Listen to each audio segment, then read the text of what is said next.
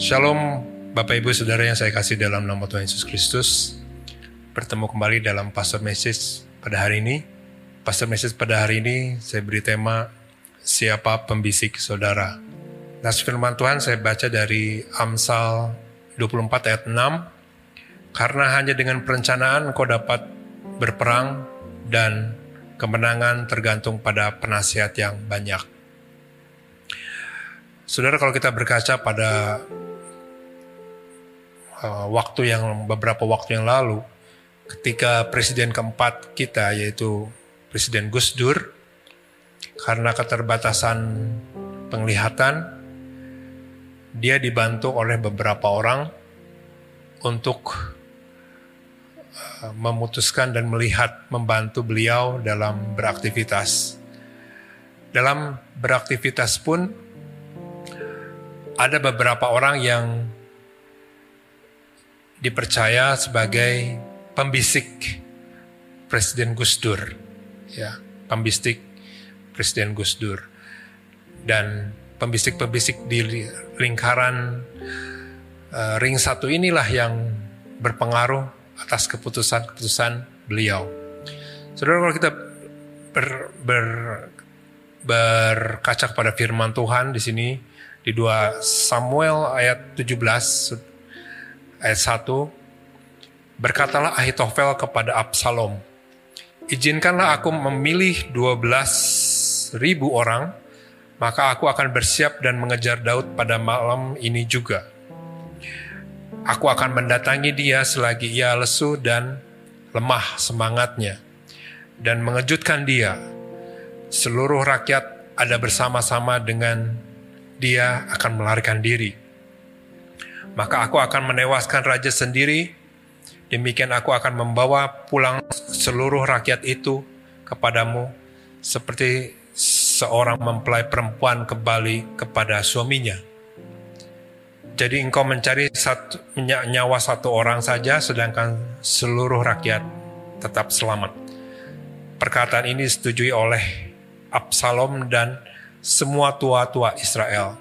Tetapi berkatalah Absalom, panggillah juga Husai, orang Arki itu, supaya kita mendengar apa yang hendak dikatakannya. Ketika Husai datang kepada Absalom, berkatalah Absalom kepadanya demikian.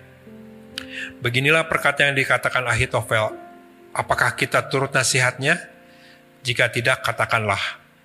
Lalu berkatalah Husai kepada Absalom, Nasihat yang diberikan Ahitofel kali ini tidak baik. Kata Husai pula, engkau tahu bahwa ayahmu dan orang-orang orang-orangnya adalah pahlawan dan bahwa mereka sakit hati seperti beruang yang kehilangan anak di padang. Lagi pula ayahmu adalah seorang prajurit sejati.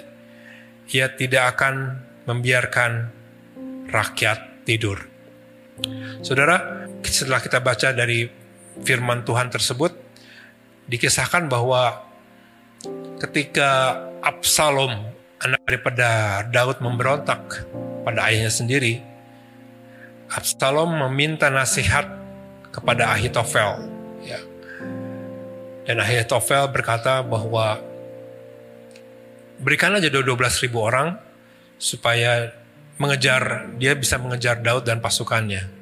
Ya, itu nasihat dan pembisik kepada raja uh, kepada Absalom saudara ya. Kepada Absalom. Ya. kita lihat bahwa nasihat Ahitofel ini digagalkan ya ditentang oleh Husai. Ya Husai berkata bahwa Daud bukanlah orang yang sembarangan orang yang lemah ya.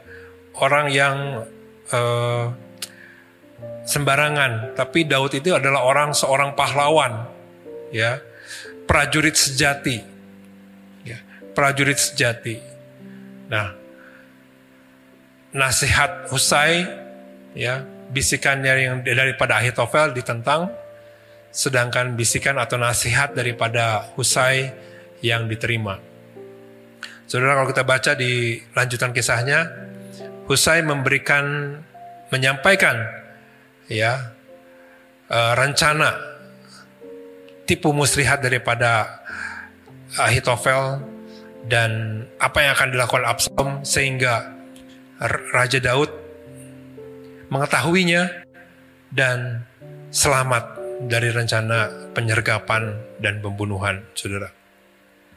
Jadi di kehidupan kita pun sehari-hari kita di, dikelilingi oleh orang-orang yang sering kali menjadi pembisik kita. Yang memberikan nasihat kepada kita. Apakah itu nasihatnya baik atau buruk? Nah, balik lagi saudara kepada kita uh, firman Tuhan bahwa mengatakan bahwa ujilah segala sesuatu dan peganglah yang yang baik. Jadi jangan dengan serta-merta kita menerima dan me, mengiyakan orang-orang yang membisik, memberikan nasihat kepada kita. Ujilah segala sesuatu dan peganglah yang baik. Seperti uh, Absalom, dia menolak bisikan daripada nasihat Ahitofel dan dia menerima nasihat daripada Husai. Ya. Marilah kita memberi, menerima nasihat dari orang-orang yang mendatangkan kebaikan buat kehidupan kita dan kita menolak nasihat-nasihat atau bisikan-bisikan yang mencoba kita menjauhkan dari kita daripada Tuhan dan uh, untuk melakukan hal-hal yang tidak benar, saudara. Itu saja uh, pastor message saya pada hari ini. Tuhan Yesus memberkati.